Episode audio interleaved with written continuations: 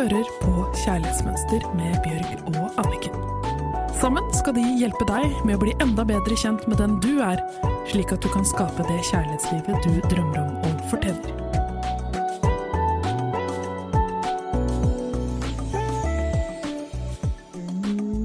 Nå er det en ny episode, og i dag skal vi snakke om noe som jeg at jeg og mine venninner har snakket mye om. Og derfor syns jeg at det var veldig gøy at vi fikk inn dette lesebrevet.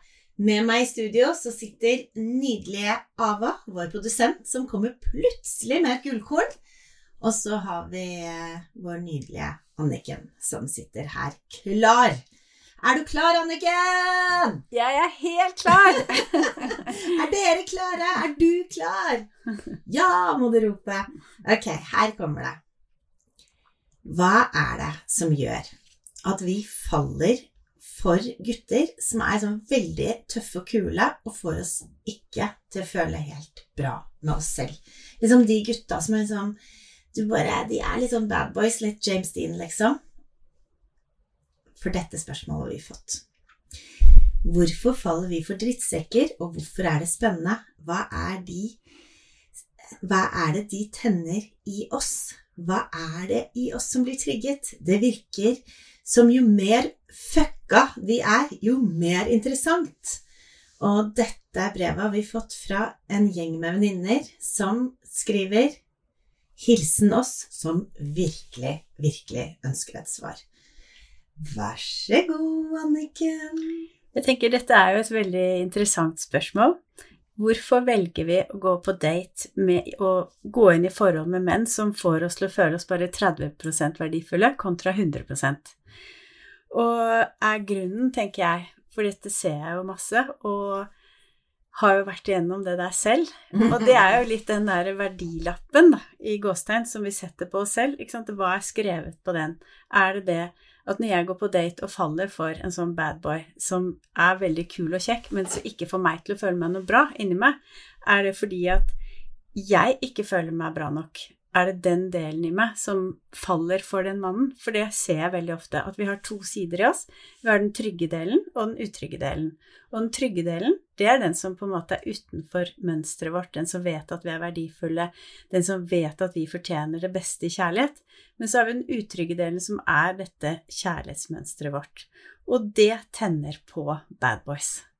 Fordi at man ofte er vant til å ikke føle seg bra nok. Og da må man det mønsteret må på en måte få det i boks, og da ender man opp der. Så Vil du da si at hele denne venninnegjengen som har sendt inn dette spørsmålet til oss, at eh, de alle sammen har en større utrygg side i seg selv enn en trygg side i seg selv? Nei, ikke at de har en større utrygg side i seg selv enn trygg side, for den pleier å være like stor, men når det kommer til kjærlighet og nære relasjoner, så er det den utrygge, da er det kjærlighetsmønsteret som regjerer, som sitter i førersetet. Har du opplevd det, Anniken? Jeg har opplevd det Har du mange falt ganger. for de som er morsomst på fest? Ja. Ikke så gøy Og kjekkest og kulest og sånn, men som ikke mm, er så gode å, å leve med. Det er jo en forskrudd form for bekreftelse også. At man tenker at hvis jeg klarer å forandre han, så er jeg litt bedre enn de andre som ikke har klart det. For da, da er det noe spesielt med meg som gjør at han på en måte ikke er drittsekk lenger. Det er jo kanskje et ønske om at han kommer til å forandre seg for meg, for det vi gjør er spesielt. Og det gjør alle, og det er veldig interessant, men da putter du deg opp for å bli skuffet, for det skjer aldri. Og vi vet jo selv hvor mye det tar å forandre oss selv, så det at en mann skal forandre seg fordi han er forelsket, det skjer ikke. Men jeg tenker Det det skjer de første to ukene, da. Ja. De første fire ukene. ja. Men jeg tenker det som er interessant, var den dagen jeg oppdaget at det er veldig stor forskjell mellom å gå ut med en fyr, og at han er kul, at du kan være forelsket, at han er gøy å date med, til at dette er en mann som vil forplikte seg, og er interessert i et eh, åpent, varmt, raust forhold hvor man viser hverandre respekt, og man har ubetinget kjærlighet. Så jeg tror bare det at man må man må se liksom forskjellen at det går an å være forelsket i gutter som er veldig spennende, men som du ikke har noe godt med. Og så må man jo da velge å ha det godt. Og jeg tenker dette er jo veldig spennende, for det jobber jeg mye med med kjærlighetsmønstre. Fordi når man har et sånt mønster, så må man bli bevisst hvordan er det jeg føler meg når jeg er i det mønsteret. Og det som er veldig interessant, det er at da føler man seg veldig ofte utrygg. Man føler seg veldig ofte ikke verdifull nok. Man, liksom, bunnlinjen går på at jeg føler meg ikke bra nok. Derfor så ender jeg opp med å, å ville være sammen med menn som får meg til å ikke føle meg bra nok. Og så må man bli klar over den andre delen i seg selv, som er trygg, som vet at en er eh, verdifull. Og det er sånn man kan snu dette. Ikke sant? Å vite at er det mønsteret mitt, den delen av meg som er utrygg og ikke føler seg bra nok, som faller for det, eller er det den trygge delen? For dette, det vil alltid være den utrygge delen som ikke føler seg bra nok, som faller for en mann som ikke får deg til å føle deg bra nok. Men jeg tenker, i den perioden eh, hvor man blir forelsket, da, så pleier jo alle å ville vise seg fra sin beste side. Og hvis det er en fyr som er dritkjekk, kjempemorsom, kommer og henter deg på en motorsykkel, og du setter deg bakpå og holder rundt den deilige midjen hans, og presser deg inntil kroppen hans og kjenner vinden bruse og hjertet boble over, eh, og du kjenner bare på lykke og glede, hvordan kan du da vite at han er en bad boy, liksom? Fordi at eh, du må se på helhetsbildet. Antageligvis så tekster han ikke når han sier at han skal gjøre det. Det tar litt lang tid før du hører noe fra han. Det som de sier, jo mer fucka, jo mer interessant, sier denne venninnegjengen her. Det er jo hele tiden tegn på at selv om han er veldig spennende og deilig, så i totalpakken så har jeg ligget mange dager på rommet mitt og grått og vært deppa og usikker på om han egentlig vil ha meg, eller om han vil ha noen andre. Så da må man liksom skille mellom den der fantastiske motorsykkelturen hvor man føler seg helt på toppen av himmelen, til å se hvordan har jeg følt meg 100 liksom hele tiden fra jeg traff han til nå, og ikke bare henges opp i sånne bitte små episoder hvor man har hatt det gøy, hatt bra sex eller sitter på motorsykkelen, men også alle de mellomrommene hvor man ikke har følt seg bra nok, og at han ikke har vist deg den varmen og respekten, da, tenker jeg. Hva er din erfaring? Nei, nei også, det jeg tenker er at de skriver jo mer fucka han er, jo mer interessant, liksom. Um, og det er vel akkurat sånn som Ava også sa i sted, at du møter han, og så har han kanskje hatt noen helt grusomme barndomsopplevelser og mista faren sin og ble mishandlet av faren sin, eller jeg vet ikke, et eller annet sånn veldig kjipe greier. Så du er sånn 'Å, stakkar', og så unnskylder du på en måte oppførselen hans, så tenker jeg men stakkars han, det er ikke hans skyld at han er sånn, det er fordi at han er skadet. Hva tenker du rundt det?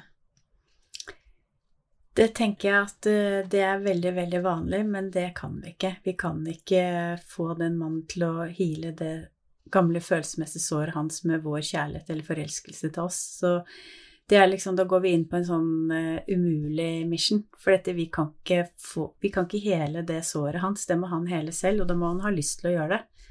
Da må han gå i terapi, da må han liksom ta det opp. Men du tenker ikke da at en av de tingene som trigger jenter, er han her kan jeg redde. Jeg kan hjelpe jo, han. Absolutt. Jeg, det er jeg helt enig i at det trigger veldig mange jenter, men man kan ikke redde. Um, det hadde vært mye lettere hvis verden hadde vært sånn som det var i gamle dager, i sånne indianer- og cowboyfilmer. Hvor liksom de ene er bare slemme, og de andre er bare snille. Mm. Men det er jo vanskelig når du møter en eller annen som er sjarmerende, som får deg til å le, som er liksom sykt deilig sånn. Jeg er helt enig, men alle jeg prater med, når vi går gjennom hvordan var det fra du møtte han til nå, hvor mange ganger prosentvis har du hatt det skikkelig bra, følt deg helt på topp, følt at han er forelsket, følt deg trygg, følt deg elskbar, kontra hvor mange ganger har du sittet og vært usikker hjemme, han har ikke møtt opp, han har på en måte oppført seg på en måte som skuffet deg, og da er det alltid at det er mesteparten ikke bra. Men så henger man seg opp i ja, men det var jo så gøy, vi hadde det så fantastisk da og da. Men hva hjelper det i helheten, for vi lever jo 24 timer i døgnet 365 mm. dager i året, så det må jo være bra hele tiden. Men du, da er det veldig interessant, så egentlig så er det sånn som det første skuddet med heroin. Du møter ham første gang han kjører deg på motorsykkel, og du bare er on top of the world og elsker deg og er så lykkelig. Og så resten av tiden så higer du etter, sånn som folk som har prøvd heroin, sier at de higer alltid etter den første trippen har jeg hørt rykter om. Jo, men jeg tror du kan si det litt At de da higer etter den første tiden hvor alt var helt fantastisk, og så kommer det aldri til å bli sånn igjen. Ja, Eller hvis vi sier det på en annen måte, da, at eh, hvis vi ser det sånn at man i kjærlighet så har jeg opplevd hele mitt liv å ikke føle meg bra nok. Og så treffer man en mann, og så er det kjempegøy, full power forelskelse, så føler jeg meg så bra den kvelden. Og den følelsen er jo noe man ønsker. Og så har man lagt den utenfor seg selv, for man tenker at jeg må ha han, for det er han som får meg til å føle meg bra. Men sannheten er jo at vi har jo gått da fra et utrygt sted i oss selv hvor vi ikke følte oss bra, til å gå et trygt sted i oss selv hvor vi følte oss bra. Så det er jo vi som har evnen til det inni oss.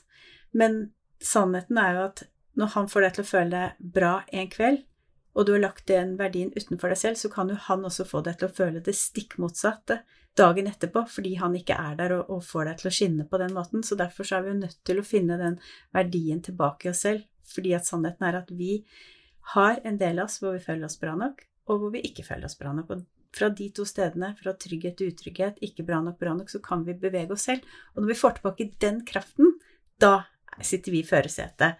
Og da er det litt sånn, ikke sant, du må være klar over hvordan vil jeg ha det, og hvordan vil jeg ikke ha det. For det er veldig mange de tenker 'jeg vil ha det bra', men så ender de opp å være sammen med noen i år hvor de har det mesteparten ikke bra. En sånn veldig aha-opplevelse på akkurat det der. For jeg har um, valgt Jeg har valgt noen helt fantastiske kjærester, og så har jeg valgt noen som har vært uh, den deilige fyren på motorsykkelen som har gjort at jeg har blitt lei meg ofte.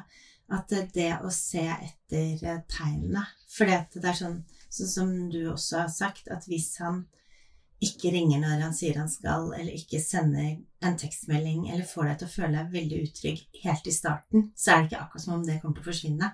Det er bare en indikasjon på hvordan det forholdet kommer til å bli. Det er så det er riktig. faktisk rød lampe som bare warning, warning, warning. Run! Ja. helt, helt riktig. Helt sant. Og det jobber jeg jo veldig mye at man blir klar over disse røde lampene. Men da må man vite hva, hvordan vil jeg ha det, og hvordan vil jeg ikke ha det. For hvordan jeg ikke vil ha det, det er jo de røde lampene. Og veldig mange sier de vil ikke være utrygge. De har ikke lyst til ikke føle seg bra nok. Ikke sant? Det er en utrolig vond følelse. Ja. Så Og så er det jo noen som er veldig gode på veldig flinke på De vet hva de skal si. Mm. Så det er viktig å liksom, forholde seg til handling, og ikke ord. For ord kan man bare slenge ut, men det er- handlingen som viser om man mener eller ikke. Det er så sant. Godt poeng, Av. Ja. Og Da syns jeg at vi kan gå over til ukens oppgave, som eh, er veldig viktig for å bli bevisst. For å kunne se de røde lampene. Vær så god, Anniken. Skriv opp på en liste. Hvordan vil du ha det, og hvordan vil du ikke ha det? Dette er det viktigste spørsmålet vi alltid må stille oss selv, og det er alltid det første spørsmålet jeg spør i mine coachingtimer. Og så må man jo etterpå sjekke, når man har sett det da, alt sånn som man vil ha, og hvordan man ikke vil ha, så må man nesten sjekke med den daten, er den daten eller kjæresten jeg har, i retning av det jeg vil ha eller ikke ha? Fordi det er det som er så vilt. Veldig ofte så vil vi ha noe, og så plutselig er vi i et forhold eller en date hvor vi er helt på den siden av alt vi ikke vil ha. Og det der å skrive det opp og bevisstgjøre det, nesten som protokollføre, det er superviktig. Fordi vi må ha et klart mål om hvor vi vil, og hvor vi ikke vil. Ellers så ender vi opp med bad boys, ikke sant, uten å ane det. Men jeg spør deg veldig interessant. Kan ikke du bare bruke deg som eksempel, da? Hva er det du vil ha, Anniken? Jeg vet at du har en fantastisk mann. Som er litt irriterende for Nei da. Men eh, kan ikke du bare komme med eksempel? Hva, hvordan er det du vil ha det? Jeg vil ha det trygt, jeg vil ha det omsorgsfullt, jeg vil ha respekt, jeg vil ha masse kjærlighet, jeg vil ha masse varme, masse raushet, masse glede, masse lidenskap. Um, ja, tenker det er liksom Det at vi gir og tar, at vi kan stole på hverandre, alt dette her. Hva vil du? Ja, fantastisk. Det kommer jo veldig fort. Men og hva er det du eh, Jeg vil ha akkurat det samme som deg. Og så tenker jeg sånn Er det mulig å få alt i en pakke? Eh, ja, det er det faktisk, for det er Anniken. Men hva er det du ikke vil ha? Og jeg vil ikke ha sånne kulinger som akkurat som det Ava sier, at de sier at de er glad i deg og digger deg, men de viser de overhodet ikke med handling. Det tror jeg er noe av det verste, så jeg syns det var et veldig viktig poeng, akkurat det der. For det er så lett å si 'jeg er glad i deg'.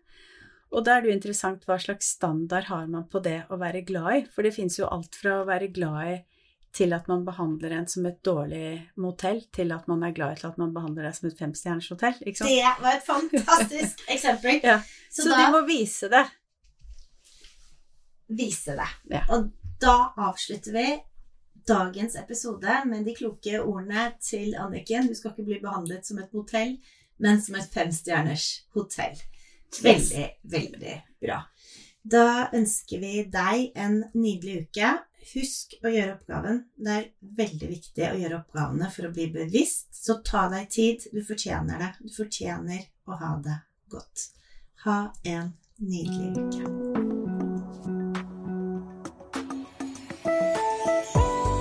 Hørte akkurat podkasten Kjærlighetsmønster. Denne podkasten er produsert av Livslyst og Motivasjon, og produsenten har vært Ava Serr. Hvis du vil lese mer om kjærlighetsmønster, gå inn på kjærlighetsmønster.no.